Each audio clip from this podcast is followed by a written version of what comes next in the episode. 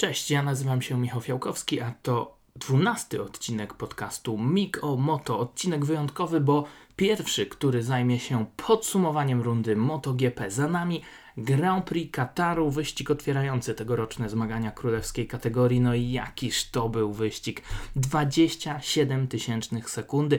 Tylko tyle zdecydowało o losach zwycięstwa. Zwycięstwa, które wpadło w ręce Andrei Dovizioso po kolejnym genialnym sprincie z ostatniego zakrętu w kierunku mety. Tak samo było w zeszłym roku, e, chociażby na torze Red Bull Ring w Austrii, tak samo było w Japonii na Motegi i tak samo było wczoraj na Losail International Circuit. Mark Marquez atakuje w ostatnim zakręcie, ale gorzej z niego wychodzi Dovizioso, odpala wrotki na tej ostatniej prostej, na tym piekielnie mocnym Ducati, no i wygrywa o włos. Sam wyścig był o 6 sekund wolniejszy niż ten sprzed dwóch lat. Nie biorę pod uwagę tego wyścigu sprzed roku, ponieważ e, w zeszłym roku późno zaczynaliśmy, przez deszcz e, mieliśmy wyścig skrócony o dwa okrążenia, więc nie można tego porównywać. Zresztą e, i tak ten wyścig sprzed roku był wolniejszy. Natomiast dwa lata temu Jorge Lorenzo w drodze po zwycięstwo jechał średnim tempem 1,55. Wczoraj widzieliśmy takie czasy 1,55, 1,56 momentami i to tempo było minimalnie wolniejsze, no ale nie ma to żadnego znaczenia, bo wyścig był po prostu e, kapitalny. Co się na to złożyło?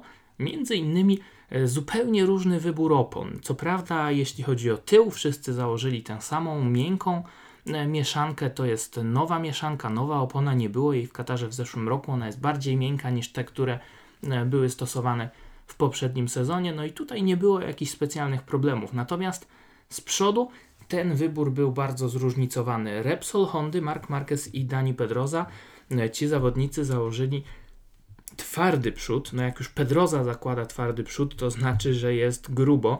No, ale Cal Crutchlow na prywatnej Hondzie, na fabrycznej właściwie, ale w prywatnym zespole LCR Castrol Honda e, założył pośredni przód. Tak samo Dovizioso, tak samo Rossi.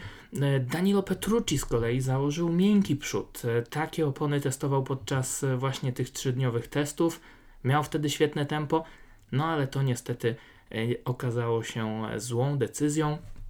Ale do Petrucciego jeszcze wrócimy. Przypomnijmy, po starcie prowadził zdobywca pole position Joan Zarco, który dzień wcześniej, mimo wywrotki w czwartym zakręcie, poradził sobie kilkanaście minut później kapitalnie, mimo wywrotki w czwartej sesji treningowej oczywiście, e, poradził sobie kapitalnie, bo e, zdobył pole position, poprawił rekord toru, rekord jeszcze sprzed 10 lat na oponach kwalifikacyjnych, także świetne tempo Joana Zarko na jednym okrążeniu, ale to nie była niespodzianka, bo e, przecież Francuz był już najszybszy podczas przedsezonowych testów, no ale niestety, tak jak mówiłem w dziesiątym odcinku podcastu Mikomoto, E, Joan Zarco nie miał tego tempa, e, żeby wygrać i tak prowadził dłużej niż no ja przynajmniej się spodziewałem i pewnie nie tylko ja, e, ale po wyścigu zwycięzca Andrea Dovizioso powiedział krótko. Prowadził Joan Zarco tak długo dlatego, że mu na to pozwoliliśmy. Oszczędzaliśmy opony, czekaliśmy na ten decydujący atak i dlatego Joan Zarco tak długo jechał na czele stawki. Chociaż tutaj trzeba oddać Francuzowi, że E, jechał szybciej niż podczas testów. E, nie było wtedy tych 55. Wczoraj widzieliśmy ich całkiem sporo i to tempo miał niezłe. Niestety, na 5 kółek przed metą ta Grupa, w której jechało 10 zawodników, e, została rozbita. Najpierw zaatakował Andrea Dovizioso do pierwszego zakrętu, zanim poszedł Mark Marquez, który absolutnie nie chciał spuszczać Dovizioso z oka. No i Marquez dał się wciągnąć w ten tunel aerodynamiczny za E, Dovizioso, nie mógł wyhamować, trącił tam Joana Zarko e, w łokciem w kolano, no ale udało się tę drugą pozycję objąć, no i ta dwójka na finiszu e, odskoczyła. Ci dwaj zawodnicy zajęli ostatecznie dwie pierwsze pozycje. Marquez szukał miejsca do ataku, zaatakował w tym ostatnim zakręcie. Ja szczerze mówiąc spodziewałem się, że zrobi to, co zrobił w 2012 roku, kiedy w Moto2 walczył z Andreą Janone o zwycięstwo. Wtedy jakby zamarkował ten atak. Janone zjechał do wewnętrznej na hamowaniu do ostatniego zakrętu. Marquez poszedł szeroko, szybciej przejechał ten zakręt, wyszedł lepiej na prostą, no i objechał Janone w tunelu aerodynamicznym. No ale tutaj z Ducati Andrzej Dovizioso Mark Marquez wiedział, że nie ma szans na taki manewr. No ważne jest to, że rzeczywiście Honda poprawiła ten silnik, on jest szybszy, jest mocniejszy, nie traci już na prostych Marquez do Andrei Dovizioso, ale i tak w tym sprincie e, nie miał większych szans, chociaż powiedział, no musiał spróbować Mark Marquez, e, musiał spróbować, musiał zaatakować, inaczej nie był w stanie e, spać po nocach. Trzeci raz przegrał w tym ostatnim zakręcie, ale dodaje też Mark Marquez, że to znów był tor, E, który nie był dla Hondy tym najmocniejszym obiektem. No i też Andrea Dovizioso e, się z tym zgodził. Powiedział tak, wygrałem, Marquez znowu, e, znowu ten sprint przegrał, ale trzeba być obiektywnym. Wiem, że ten tor jest dobry dla Ducati, niekoniecznie dobry dla Hondy. I tutaj jeszcze na moment bym chciał wrócić też do tego, co się działo z Joanem Zarko, E, prowadził przez 17 kółek, jak już mówiłem, Dovizioso po słabym starcie jechał sobie w tej grupie, ale zupełnie nie forsował tego tempa, nie odkrywał swoich kart.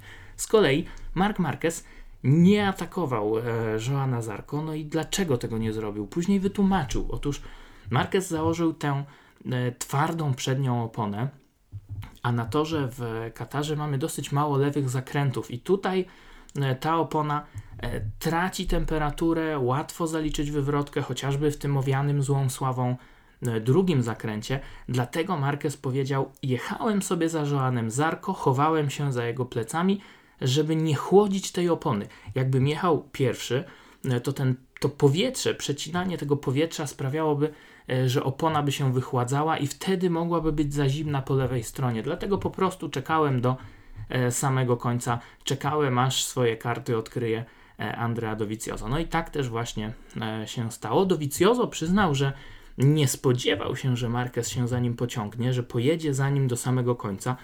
Też oszczędzał opony, ale mimo wszystko, jak na tych ostatnich czterech kółkach podkręcił tempo, no to jednak ten przód też już był mocno zużyty i musiał mocno z głową jechać Andrea E, Dovizioso. Przyznaje Włoch, że oczywiście Ducati zrobiło postępy, ale Honda też te postępy zrobiła. Katar to jest dziwny wyścig, więc on wie, że e, trzeba poczekać na inne tory, na inne obiekty, żeby rzeczywiście ocenić ten potencjał e, czołowych zawodników i tych czołowych motocykli. Jedno jest pewne, Simone Battistella, czyli menadżer Andrei Dovizioso, taki pan, który zawsze w białej koszuli gdzieś tam w boksie Ducati się kręci, no teraz będzie miał ręce pełne roboty, bo Dovizioso na pewno podbił swoją stawkę. Ducati zrobi wszystko, żeby go e, zatrzymać w swoich szeregach. No a Andrea myślę, że może teraz liczyć na zdecydowanie większą garzę niż te 2,5 miliona euro rocznie, jakie e, otrzymuje w tym roku, jakie otrzymywał w zeszłym roku. E, z kolei Jorge Lorenzo z pewnością nie może liczyć na te 12 milionów, o których tak dużo się mówiło, ale do Jorge Lorenzo jeszcze E, wrócimy. No, Dovizioso ewidentnie pokazał, e, że będzie walczył o ten tytuł e, od początku do końca, że jest dużo pewniejszy siebie, ale też padło takie pytanie w tej salce, w której odbywają się wywiady telewizyjne, został zapytany Dovizioso o tę eksplozję formy, skąd to się bierze, dlaczego taki mocny początek sezonu i, i tutaj dosyć zaskakująca wypowiedź Dowiego, który powiedział, no tak, w tym sporcie nie ma zbyt wielu, e, zbyt wielu prawdziwych kibiców. Wiele fan, wielu fanów pamięta jego e, sezony, kiedy był trzeci, czwarty, piąty w generalce, ale on doskonale wie, ile razy walczył o ten tytuł i w mniejszych klasach, i w MotoGP, i w ogóle nie martwi się tym, co, e, co jest o nim mówione. Także tutaj no, ciekawa, trochę zaskakująca wypowiedź Andrei Dovizioso, ale tak czy inaczej piękne zwycięstwo, no i zobaczymy, co nam pokaże Desmodowi w kolejnych wyścigach. To była pierwsza dwójka. Czas spojrzeć na pana, który uzupełnił nam podium. No i tutaj, no właśnie, pytanie, czy to jest niespodzianka, czy to nie jest e, niespodzianka, bo przecież e, na trzecim stopniu podium zobaczyliśmy Valentino Rossiego. Rossi startował z ósmej pozycji, z trzeciego rzędu, ale dosyć szybko i sprawnie e, przebił się do czołówki kiedy e, Marquez i Dovizioso wyprzedzili Zarko, odskoczyli Rossi tam na chwilę za Francuzem, utknął, wyjechał szeroko w jednym z zakrętów i powiedział, że to było decydujące, że stracił ten kontakt z pierwszą dwójką, chciał spróbować się za nimi pociągnąć, nie wie, czy byłby w stanie nawiązać z nimi walkę, no ale chciał przynajmniej spróbować. Valentino Rossi. No i tutaj bardzo ciekawą rzecz też zaznaczył doktor, który przecież w czwartek przed Grand Prix Kataru przedłużył umowę z Yamahą na dwa kolejne lata 2019-2020. Valentino Rossi powiedział, że rok temu nie spodziewał się tego, że stanie na podium. W tym roku było zupełnie inaczej i wiedział, że stać go na to, wiedział, że może powalczyć o te czołowe pozycje. Co prawda, w sobotę mieli problemy, zły balans motocykla. Powiedział Valentino Rossi, że no, między młotem a kowadłem się znaleźli, bo jak, jak oszczędzali opony, to nie mieli tempa, ale jak ustawili ten motocykl tak, żeby to tempo było, no to te opony się za szybko zużywały. Postanowił zaryzykować, powiedział, jak się uda, to się uda, jak się nie uda, to ciał. No i się udało. Piękna walka Valentino Rossiego. No i mówiłem o tym też w podcaście po testach w Katarze, że tam chyba była trochę zasłona dymna, no i tak to wygląda. Pytanie, czy rzeczywiście Yamaha te problemy rozwiązała, czy to tylko kwestia toru, na którym zawsze dobrze sobie radziła. Bo tutaj do, dodał też Valentino Rossi, że ok, poprawili trochę elektronikę, poprawili wyjścia z zakrętów, ale jeszcze muszą nad tym bardziej popracować, więc zobaczymy, jak będzie na innym torze. Ciekawe było to, że Valentino Rossi też zaznaczył, że chciał być jak najbliżej tej pierwszej dwójki w ostatnim zakręcie, bo wiedział, że Marquez zaatakuje, no i że coś może się wydarzyć. Mówi, może wyjadą szeroko, może będzie szansa ich dogonić, wyprzedzić, no ale tak się nie stało. Padło też ciekawe pytanie na konferencji prasowej po wyścigu, czy ten wynik, czy to podium to jest odpowiedź dla tych wszystkich kibiców, którzy w czwartek mówili po tej informacji, że Rosji przedłużył umowę, że no jak to, że on już za stary, że powinien sobie dać spokój. No Valentino Rossi powiedział, że zupełnie się tym nie przejmuje. Kiedyś 10 lat temu to tak, to jeszcze się takimi historiami przejmował, teraz w ogóle o tym nie myśli i mówi, że wiek się nie liczy, liczy się w tym sporcie tylko jedno wynik. No i tym wynikiem myślę krytykom Valentino Rossi zamknął usta, ale zobaczymy jak będzie na kolejnych torach. To jest ta trójka, która stanęła wczoraj na podium Grand Prix Kataru. Tuż za nimi wyścig ukończył Cal Crutchlow, Brytyjczyk, który stracił do zwycięzcy prawie 3 sekundy, do Valentino Rossiego 2 sekundy. No i Cal Crutchlow założył ten pośredni przód. Mówi, może jakby jednak zaryzykował, założył twardy przód, no to może wówczas byłby trochę bliżej, ale dodał też, szczerze przyznał, że chyba i tak niewiele by to e, zmieniło. Także plus tutaj dla Kala Crutchlowa e, za szczerość i otwartość, no ale on z tego jest e, znany. No kolejnym zawodnikiem, który też bardzo szczerze podsumował swój wyścig, był Danilo Petrucci, który zakończył te zmagania na piątej pozycji, a przecież miał za sobą bardzo dobrą symulację wyścigu podczas tych testów w Katarze przed dwoma tygodniami. Równe tempo 1,55, więc ja przynajmniej spodziewałem się, że Petrucci stanie na podium. On w sobotę, jak wywalczył pierwszy rząd startowy, to powiedział w tym oficjalnym wywiadzie, że liczy na pierwszą piątkę, ale wczoraj po wyścigu zdradził, tak, powiedziałem oficjalnie, nie chciałem zapeszać, ale tak naprawdę liczyłem na trzecie miejsce. Wiedziałem, że nie będę w stanie powalczyć z Marquezem i Dovizioso, ale miałem nadzieję, że tę trzecią pozycję uda się e, wywalczyć. Dlaczego tak się nie stało? E, okazuje się, że tutaj błędem było założenie miękkiej przedniej opony. E, Petrucci przyznał, ok, jak jechał sobie tę symulację w pojedynkę swoim tempem, swoim rytmem, swoimi liniami, wszystko było ok. Ale w tym kotle, w tej walce, e, Valentino Rossi nawet powiedział, że to watacha wilków tam za nim czekała tylko na krew, no i Petrucci w, tam, w tej grupie się też znajdował. I Petrucci dodał, że w tej walce jednak na tej oponie no nie mógł tak skręcać, nie mógł tak hamować, kiedy trzeba było pojechać trochę agresywniej, no i przez to też e, to tempo stracił i stracił właśnie e, pod koniec wyścigu. Zupełnie inaczej to wyglądało, jeśli chodzi o szóstego, i to jest poniekąd niespodzianka. Mavericka Vinalesa, bo Vinales stracił do Petrucciego tylko 600 sekundy, niewiele brakowało, aby go wyprzedził, a przecież Hiszpan, zwycięzca tego wyścigu sprzed roku, startował z odległej 12 pozycji. Przebijał się do Q2 E, przez Q1, ale w tej drugiej czasówce zajął ostatnie 12 miejsce. To było zaskoczenie, bo przecież na testach był bardzo szybki na jednym okrążeniu, ale wszystko zmieniło się e, podczas wyścigu. Winiales po słabym starcie poza pierwszą dziesiątką, ale z okrążenia na okrążenie podkręcał tempo, jechał tempem właściwie liderów, e, odrabiał te straty, wyprzedzał kolejnych rywali, no i na mecie znalazł się na szóstej pozycji, a po wyścigu E, powiedział, no tak, że z jednej strony jest zły, rozczarowany, ale z drugiej strony bardzo się cieszy, bo poszedł z zespołem w sobotę w zupełnie innym kierunku niż Valentino Rossi. Mówił o tym przecież, pamiętacie, opowiadałem o tym w podsumowaniu Grand Prix, e, Grand Prix w podsumowaniu testów w Tajlandii, kiedy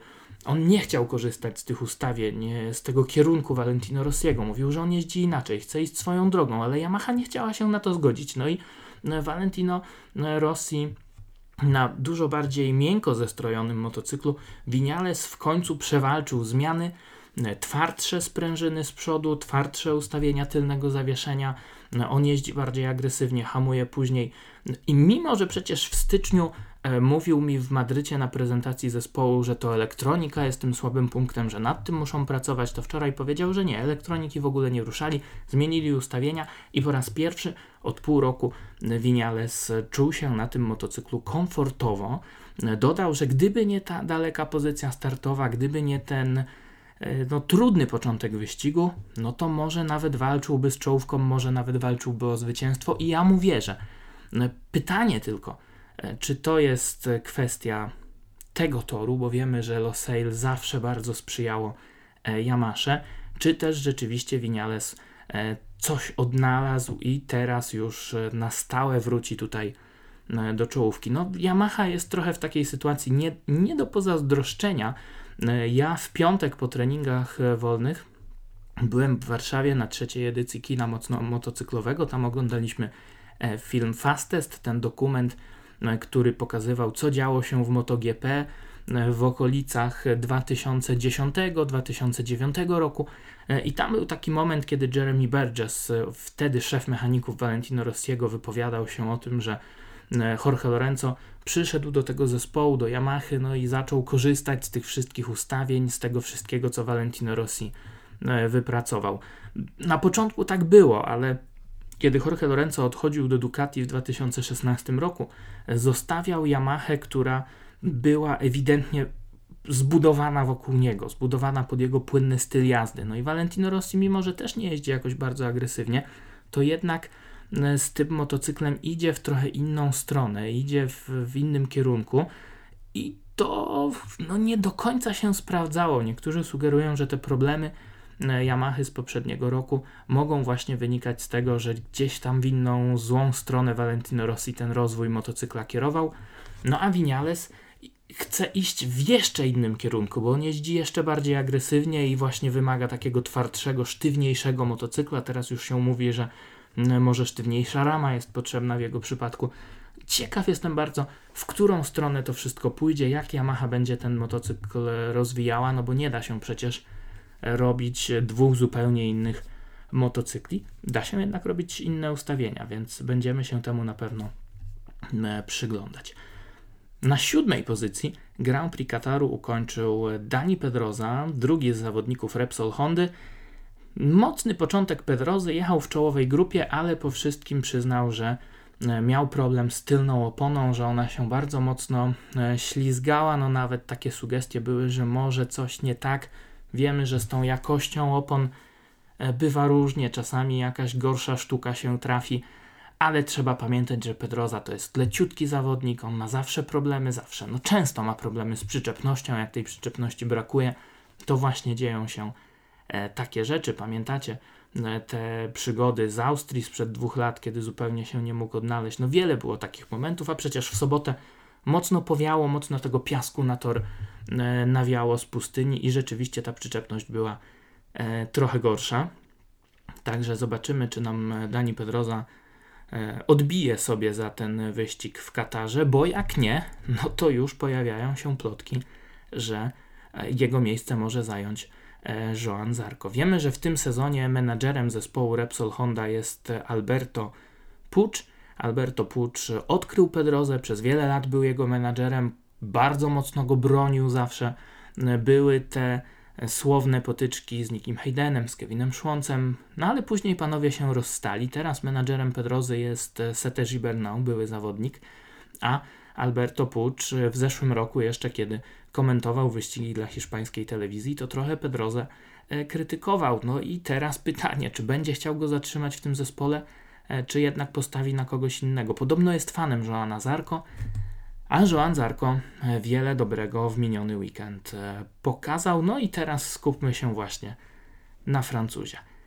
Świetny początek wyścigu Joana Zarko, no ale niestety ta końcówka E, dużo gorsza. No i spadek z pierwszego aż na ósme miejsce. Stracił na mecie Joan Zarco e, aż 7 sekund do Andrei Dovizioso. Rzeczywiście te ostatnie dwa kółka, ostatnie przede wszystkim okrążenie było już bardzo, bardzo słabiutkie, dwie sekundy wolniejsze niż e, Dovizioso. Co prawda tam za Zarko było 5 sekund aż różnicy do Andrei Janone, no ale to ósme miejsce zdecydowanie poniżej oczekiwań. Chociaż tak jak mówiłem, tempem mnie zaimponował, no, bo było szybciej niż, niż ja się spodziewałem mimo wszystko. E, co się stało? E, za bardzo Joan Zarco zużył e, przednią oponę po prawej stronie i później już powiedział, że po prostu no nie mógł. Musiał zwolnić, bo jak wjeżdżał taką prędkością, do jakiej był przyzwyczajony przez cały wyścig, to ten przód puszczał, wynosiło go szeroko i był bliski wywrotce. On później tłumaczył, że był technik Michelina w boksie, że mechanicy też mówili, że może właśnie jakaś wadliwa sztuka. No ale jednak chyba tutaj też się kłania e, doświadczenie. Może jednak te, e, to tempo było za ostre. Może jednak mógł trochę zwolnić. Mógł jechać te 56. Marquez by go nie zaatakował. Dowi też jakoś specjalnie się do tego nie palił, więc może, może e, po prostu było troszeczkę E, za szybko. E, tak czy inaczej, Joan Zarko dodał, że jakby nie ta sytuacja, jakby była ta przyczepność, mógłby walczyć o zwycięstwo i tego też w tym roku się e, spodziewa. Poradził sobie z ogromną presją, nie popełnił jakiegoś wielkiego błędu. Bardzo dużo się mówi właśnie o tych plotkach. Wiemy, że zdradził to Laurent Felon, a więc menadżer Joana Zarko, że są prowadzone rozmowy z Repsol Hondą, są prowadzone rozmowy z Ducati. Zapyta, zapytało się E, Francuza o przyszły rok, także Suzuki, więc on ma w czym wybierać. Yamaha też podobno proponuje e, oficjalny fabryczny motocykl, ale w prywatnym zespole. Wiemy, że KTM tam również liczy na Joana Zarko, więc e, tutaj Ciekawe, co się wydarzy. Ciekawe, czy ta decyzja już zapadła, czy jeszcze nie, czy będzie mógł się na tym wszystkim Joan Zarko skupić, czy jednak to gdzieś tam wybije go z rytmu. Ja podejrzewam, że nie dowiemy się jednak e, wcześniej niż może nawet w Mugello, e, jaką decyzję podjął e, Joan Zarco, no bo przecież czwarta, piąta runda to jest Grand Prix Francji. On sam mówi, że do powrotu do Europy nie będzie tego tematu komentował, ale wracamy do Europy po Argentynie, po Austin i mamy najpierw Jerez, a później Francję. Francja oczywiście domowy wyścig na Le Mans dla Jeana Zarco, domowy wyścig dla zespołu, wyścig, którego sponsorem jest e, Monster, więc tam na pewno będą się chcieli skupić na weekendzie. No a wiemy, że jak Zarko odejdzie, e, czy to do Hondy, czy to do KTM, no to też pewnie rozstanie się z Monsterem, więc myślę, że ta, e, ten komunikat, no to albo za chwilę, w co wątpię, albo właśnie po Grand Prix Francji, żeby nie burzyć tego, tego dobrego PR-u, na jaki liczy cały zespół, na jaki liczą sponsorzy i tak dalej podczas tej domowej rundy. Tak czy inaczej, Joan Zarko może się okazać w tym sezonie nieraz e, czarnym koniem i zobaczymy, e, co nam pokaże. Trochę mniej niż chyba się spodziewaliśmy, pokazał w Katarze Andrea Janone, który ukończył ten wyścig na dziewiątej pozycji, prawie 13 sekund e, za liderami. Przyznał, że nie czuł się w 100% pewnie na motocyklu, więc nie chciał ryzykować. No z jednej strony ok, przejechał wyścig, był w dziesiątce, zdobył punkty, nie popełniał jakichś tam większych błędów, ale z drugiej strony to był zawsze jego mocny tor. W zeszłym roku tutaj jechał w czołówce, ale się przewrócił. No i jeżeli tak zaczyna Andrea Janone sezon, to pytanie, jak to będzie wyglądało dalej. Zobaczymy, nie ma co wyrokować. Jego kolega zespołowy Alex Rins był trochę wyżej, jechał na siódmej pozycji, ale e, sam przyznał, że dał się ponieść. Zazwyczaj jednak chłodny, stonowany Hiszpan dał się ponieść, popełnił błąd, zaliczył wywrotkę i do mety e, nie dojechał. Dziesiątkę zamknął Jack Miller w debiucie na Ducati, ubiegłorocznym e, Ducati w barwach Pramaka. Ta strata do lidera 14 sekund, o jedną dziesiątą sekundy więcej niż w zeszłym roku, ale Jack Miller mówi, wtedy z Hondą bardzo mocno walczył, teraz na Ducati czuł się bardziej komfortowo, ale podobnie jak Joan Zarco, podobnie jak Bradley Smith pod koniec wyścigu miał problemy właśnie z przednią oponą po prawej stronie, no i przez to stracił e, tempo. E, tuż zanim wyścig ukończył 60 sekundy dokładnie, E, Tito Rabat, były mistrz świata Moto2, ta przesiadka na Ducati wychodzi mu na zdrowie, bo 15 sekund to jest najmniejsza strata, jaką miał do e, zwycięzcy Grand Prix w swojej karierze w MotoGP, także może tutaj Rabat na e, częściej pojawiać się w pierwszej dziesiątce. Dwa bardzo udane debiuty Franco Morbidelli, ubiegłoroczny mistrz świata Moto2 na Hondzie w ubiegłorocznej przecież specyfikacji ukończył wyścig na 12 miejscu. Hafiz Sharin, który no, miał tylko nieco ponad miesiąc na przygotowania do tego debiutu w MotoGP po tym jak e, zrezygnował ze startów e, Jonas Folger. Malezyjczyk 14 w swoim pierwszym wyścigu. Tam było trochę przygód, było kilka błędów, ale pojechał naprawdę nieźle. E, Hafiz Shiarin. Niesamowite jest obserwowanie tego, jak on jest podekscytowany tymi startami, tą swoją przygodą w MotoGP. Można go śledzić w mediach społecznościowych. Przeżywał w czwartek przed weekendem, jaki to wielki pokój hotelowy Tim mu zarezerwował. Tutaj proszę, biznes klasą do, do Dubaju, do Kataru. No, widać, że cieszy się tym wszystkim e, jak dziecko Hafiz Sharin, ale potrafi też szybko pojechać, więc e, to był naprawdę dobry początek w jego wykonaniu. 13 Alvaro Bautista, 15 Karel Abraham, zawodnicy zespołu E, Aspara, czyli e, teamu nazywającego się Angel Nieto, team e, w tym sezonie. No Bautista liczył na więcej, ale widać ewidentnie, że on się nie może dogadać z tym GP16. Z kolei Karel Abraham stracił dosyć dużo czasu na początku wyścigu, bo tam musiał właśnie omijać Shiarina, który był w opałach i w ogóle to był dla Karela Abrahama E, pechowy weekend, bo w piątek przecież dwa razy tam się jakieś lampki zapalały, on musiał pchać motocykl w alei serwisowej, nic się poważnego nie stało, ale e, stracił dużo czasu, później wjechał w ten koc grzewczy, który ktoś z innego teamu zostawił na asfalcie, ale mimo wszystko e, zgarnia punkcik, także brawa dla niego. Bez punktów dwaj inni debiutanci, Tom Lutti i Takaki Nakagami, no, ale blisko siebie obaj stracili 24 sekundy do zwycięstwa, do zwycięzcy. E, Bradley Smith po tych problemach z przednią oponą 18.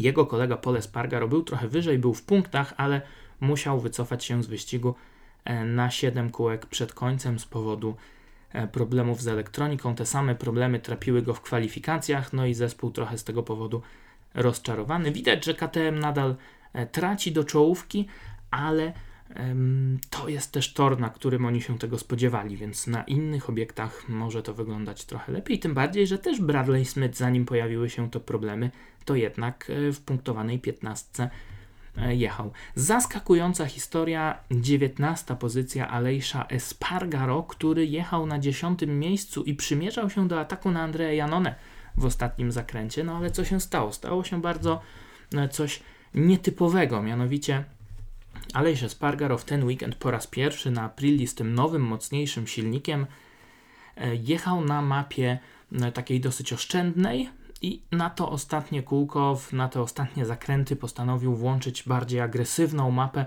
która więcej tego paliwa zużyje, ale daje też więcej mocy. No i chciał wyprzedzić Andrea Janone w ostatnim zakręcie, ale wtedy najpierw dwie sekundy stracił w przedostatnim sektorze, a później aż 19 sekund w ostatnim sektorze i spadł w ten sposób na 19 miejsce. Zespół oficjalnie mówi o problemach paliwowych, ale tutaj Wydaje mi się, że sytuacja jest jasna, po prostu to paliwo się skończyło. Aprilia nie testowała tego silnika w warunkach wyścigowych, nie testowała tego silnika na torze, nie było tego silnika podczas testów. W treningach też tej jazdy było mało. No i tutaj albo ten silnik nadal e, zbyt paliwożerny, bo to było też problemem w zeszłym roku, albo po prostu źle ustawili elektronikę. Z drugiej strony też trzeba pamiętać, że e, Losail to jest taki tor, który mocno to paliwo zużywa. Kilka lat temu Valentino Rossi po minięciu linii mety zaparkował na poboczu e, swoją Yamaha, bo też to paliwo się skończyło, więc tutaj mogą być problemy tego typu, ale iż mimo wszystko przed kolegą z zespołu i to 3 sekundy przed e, Scottem Reddingiem, który miał problemy, e, też brakowało mu przyczepności, no ale tutaj za wiele chyba po Reddingu się w tym roku ja przynajmniej nie spodziewam. Na ostatniej 21 pozycji wyścig ukończył Xavier Simeon, który płaci podobno pół miliona euro rocznie za starty w zespole Avintia E, Reale Racing, no i belgijski debiutant po starcie z ostatniej pozycji, też na ostatnim miejscu ten wyścig e, ukończył no, bez jakichś tutaj specjalnych rewelacji, 9 sekund do Scotta Reddinga przedostatniego, ale dajmy mu trochę więcej czasu. W Moto2 jakoś nie błyszczał, w MotoGP e, na razie też nie. Jeszcze o jednym zawodniku nie wspomniałem, a więc Oczywiście Jorge e, Lorenzo, który startował do Grand Prix Kataru z dziewiątej pozycji, też jakoś te kwalifikacje nie były specjalnie udane, dużo presji, dużo się mówi o tym, że e, no nie, nie dostanie takiej garzy Lorenzo w przyszłym roku, jeżeli w Ducati zostanie, jaką otrzymywał e, do tej pory. Tam też Petrucci liczy na jego miejsce. Teraz wiemy, że Zarko jakieś rozmowy Ducati prowadzi. Jorge Lorenzo, no teraz, kiedy Valentino Rossi już powiedział, że zostaje oficjalnie w Yamasze, nie ma za bardzo e, pola manewru i potrzebuje dobrych wyników, a wyścigu e, nie ukończył. Przewrócił się w czwartym zakręcie, no i oczywiście od razu tam fala hejtu w mediach społecznościowych się wylała. E, Lorenzo, za co tyle pieniędzy, co to jest, weźcie go, wywalcie. No a to wcale nie była wina zawodnika, bo jak się okazuje, duże problemy z przednim hamulcem od samego początku E, wyścigu. No i Lorenzo, kiedy dojechał do czwartego zakrętu, po prostu ten hamulec całkowicie stracił. Wcisnął dźwignię e, do końca, a motocykl nie zaczął hamować, więc położył się Hiszpan, żeby nie wpaść w bandy.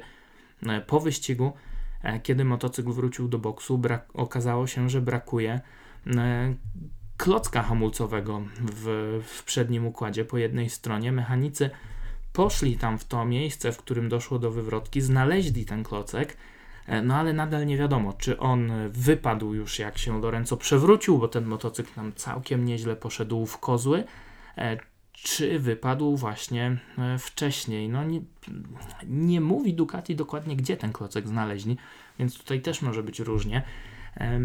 A z kolei Lorenzo mówi, że przez cały wyścig były te problemy, jakby ten układ hamulcowy puchł, puchł, no i w końcu całkowicie E, spuchł. E, z drugiej strony Hiszpan podkreśla, że były takie momenty, że jechał tempem liderów, nawet szybciej niż e, tempo liderów i mimo tego nie najlepszego startu, nie najlepszego początku, to później całkiem czuł się komfortowo. Jechał bez tych skrzydełek, podobno zbyt duża ta strata w prędkości maksymalnej na prostej startowej, dlatego tych skrzydełek zabrakło, chociaż korzystał z nich Miller z trochę mniejszej wersji. No a sam Jorge Lorenzo mówi, na szczęście e, cała ta sytuacja, cała ta wywrotka miała miejsce w e, zakręcie numer 4, no takim nie za szybkim, bo gdyby to się stało przy 350 km na godzinę na końcu prostej startowej, to mogłoby się skończyć zupełnie, e, zupełnie inaczej. No na szczęście do tego nie doszło. No i tak to wygląda, jeśli chodzi o podsumowanie pierwszego wyścigu MotoGP e, w tym sezonie. Oczywiście w Katarze odbyły się też e, wyścigi mniejszych klas. Mieliśmy e, piękny wyścig kategorii Moto2 przy zachodzącym słońcu. Wyścig, który wygrał Peko Baniaja, utrzymując za sobą Lorenzo Baldassariego. Baldassari wiedział, że przy swojej wadze, przy swoim wzroście nie będzie miał szans na atak w tunelu aerodynamicznym na ostatniej prostej, więc zaatakował w ostatnim zakręcie. Nie udało się. Baniaja kontrolował sytuację. Był taki moment, że ja już miałem wrażenie, że nic się tutaj nie wydarzy, że nie będzie w stanie Baldassari zaatakował, zaatakować, ale zaatakował w przedostatnim, przepraszam, a nie w ostatnim zakręcie. Trochę go tam wyniosło na wyjściu, Peko skontrował, wygrał wyścig. Moim zdaniem to jest faworyt do tytułu w tym sezonie, ale przed nami jeszcze daleka droga. Bardzo dobrze pokazał się też Alex Marquez, wywalczył pole position, jechał świetnie, jechał z tą właśnie pierwszą dwójką, ale zblokował mu się tylny hamulec. Tarcza świeciła się e, na czerwono. Później e, ten hamulec podobno całkowicie przestał działać. Marquez mógł odzyskać to tempo i ukończyć wyścig na trzeciej pozycji przed Mattią Passinim, który też pokazał się e, z dobrej strony. Niestety z dobrej strony nie pokazał się sam Lowe's, którego no, najpierw zabrakło w czołówce, spodziewałem się więcej po Brytyjczyku, a później sam Lowe's jak tłumaczy, wbił luz e, w, na hamowaniu, no i puścił przód, zaliczył Brytyjczyk e, wywrotkę. Mieliśmy wiele takich e, historii z tym właśnie wbijaniem luzu. Właściwie wchodził ten, ten międzybieg, ten luz w, pomiędzy jedynką a dwójką bardzo często. W tej drogowej jednak skrzyni biegów z CBR 600RR Wiele razy zawodnicy się na to skarżyli, więc faktycznie taki problem jest, ale sam Lowe's mówi: e, Nie szukam tu wymówek, moja wina, przyznał się do tego, zobaczymy, co nam pokaże w kolejnych wyścigach. To jest ostatni sezon, kiedy Honda jest dostawcą silników e, w Moto 2, więc też e, fajny taki skalp, fajny tytuł. Zobaczymy, czy ktokolwiek będzie w stanie tutaj Baniai zagrozić. Moim zdaniem on jest faworytem, no ale wszystko jest możliwe. Także piękna walka w kategorii Moto 3 wygrał Jorge Martin.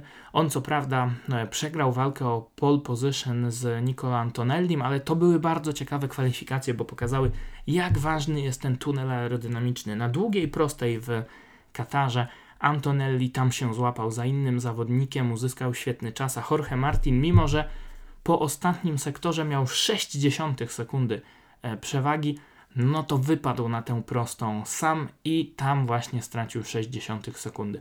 E, I musiał startować z drugiej pozycji, ale kontrolował wyścig, e, wygrał ten wyścig. Aaron Canet musiał przebijać się po trochę gorszym starcie, dogonił Martina, wydawało się, że jest pewny siebie, bo odpuszczał na, na końcu prostej, nie chciał atakować, ale na finiszu trochę za bardzo te opony już były zużyte i mimo że atakował w tym tunelu aerodynamicznym, to mimo wszystko ta długa, bardzo długa prosta e, okazała się za krótka na takie manewry e, w Moto 3 i Canet e, rozminął się ze zwycięstwem. Podium uzupełnił Lorenzo Dalla Porta, który wygrał walkę w takiej bardzo długiej, dużej i zaciętej grupie. Wypadł z tej grupy na ostatnim kółku Marco Bezecchi, wypadł John McPhee. Wielka szkoda, ale naprawdę ten pojedynek był piękny, a w trakcie wyścigu e, w szóstym zakręcie przewrócił się Enea Bastianini, uścisk przodu na hamowaniu do szóstki. Później Bestia powiedział, że e, to był głupi błąd, jego błąd, trochę za szeroko, trochę za mocno zahamował, no i e, skończyło się tak, a nie inaczej. Bastianini w tym roku w zespole Leoparda za ubiegłorocznego mistrza Juana Mira nie może sobie pozwolić na takie błędy. Będzie musiał za to sobie odpokutować, no ale pokazał, że jest szybki, więc też tutaj ciekawe, jak sobie poradzi. On zupełnie nie mógł się dogadać z tym zespołem Estrella Galicia w zeszłym roku. Jak będzie w tym sezonie? Warto mieć e, na niego oko. Pytanie, czy warto mieć oko na Nicolo Bulegę. Tutaj było dużo dyskusji na temat e, tego zawodnika. On ma przed sobą trzeci sezon w Moto3, były mistrz świata juniorów tej właśnie klasy. E, zimą nabawił się kontuzji, uszkodził kostkę, ale w wyścigu no bardzo przeciętnie, poza punktami, aż wreszcie e, wywrotka i w testach też nie brylował. No i ja się zastanawiam, czy to był dobry e, pomysł, żeby zostawiać go w Moto3 na kolejny sezon. On chyba trochę się pogubił w tym wszystkim, bo dużo się mówiło, że to następna wielka gwiazda, nawet Valentino Rossi kilka lat temu, jak był pytany, kto jest najlepszy z tych młodych wilków, mówił, że właśnie Bulega. No może to wszystko gdzieś tam za bardzo e, weszło mu w głowę, no i Bulega trochę e, zagubiony, ale też osłabiony. Zobaczymy, co będzie, jak ta karuzela MotoGP e, wróci do Europy. Na koniec jeszcze podsumowania Grand Prix Kataru. Dwa słowa o tej nowej kategorii Moto E. Będziemy mieli puchar dla motocykli elektrycznych w przyszłym roku. Wiemy, że tam będzie 18 motocykli, po dwa wystawią prywatne teamy MotoGP, wszystkie 7 prywatnych teamów MotoGP, ale będzie też Mark Valdez, będzie ekipa Valentino Rossiego, będzie ekipa e, również e, Paolo Simoncellego z kategorii e, Moto 3. Jeszcze nie wiemy jacy dokładnie zawodnicy, wiemy, że 5 rund, ale nie wiemy gdzie. Zapowiada się to ciekawie, a e, były zawodnik e, MotoGP, właściwie klasy 500, nowozelandczyk Simon Crafer, który jest w tym sezonie e, padokowym reporterem dla MotoGP.com, miał okazję e, w ten weekend przejechać się tym motocyklem e, Moto E i po wszystkim powiedział, że faktycznie E, motocykl przyspiesza e, płynnie, e, płynnie w całym zakresie obrotów. Ta moc porównywalna do mocy 600, ale dodał też Simon Crafer, że czuć wyraźnie, że to jest drogowy motocykl, że trzeba tutaj zmienić geometrię na bardziej wyścigową i czuć też, że bardzo ciężka jest ta bateria, która ten motocykl napędza, która ma, daje około 140 koni mechanicznych mocy, no a więc faktycznie trochę taki e, super sporcik. No i Crafer powiedział, że i na hamowaniu, i skręcając, wchodząc w zakręty, czuć, że ta bateria wypycha na zewnętrzną, że nie chce ułatwiać e, spowolnienie motocykla. Także taki akcent elektryczny na koniec tego naszego dzisiejszego odcinka. Grand Prix Kataru na pewno przejdzie do historii jako jeden z najlepszych wyścigów rozpoczynających sezon MotoGP w ostatnich latach. Fantastyczna walka, oby taka walka była przez cały rok. 18 wyścigów jeszcze przed nami, pierwszy z nich już za 3 tygodnie. Będzie to Grand Prix Argentyny na torze Termas de Rio Ondo. Kolejny odcinek podcastu Mik o Moto już w następnym tygodniu. Jeszcze nie wiem, czym się zajmiemy, no ale myślę, że e, coś ciekawego uda mi się e, przygotować dla Was. W międzyczasie zerknijcie, w opisie odcinka znajdziecie e, link do pełnego zapisu konferencji prasowej po wczorajszym wyścigu, konferencji z pierwszą trójką, a więc z Dovizioso Marquezem i Valentino Rossim. Zapraszam Was też do dyskusji u mnie na Facebooku Mik Fialkowski Moto, też na grupie facebookowej Polscy Fani E, MotoGP. No i jest o czym dyskutować po tej inauguracyjnej rundzie sezonu MotoGP, także e, zachęcam Was do interakcji. Słyszymy się za tydzień, a kolejne wyścigi już na początku kwietnia. Do usłyszenia, cześć!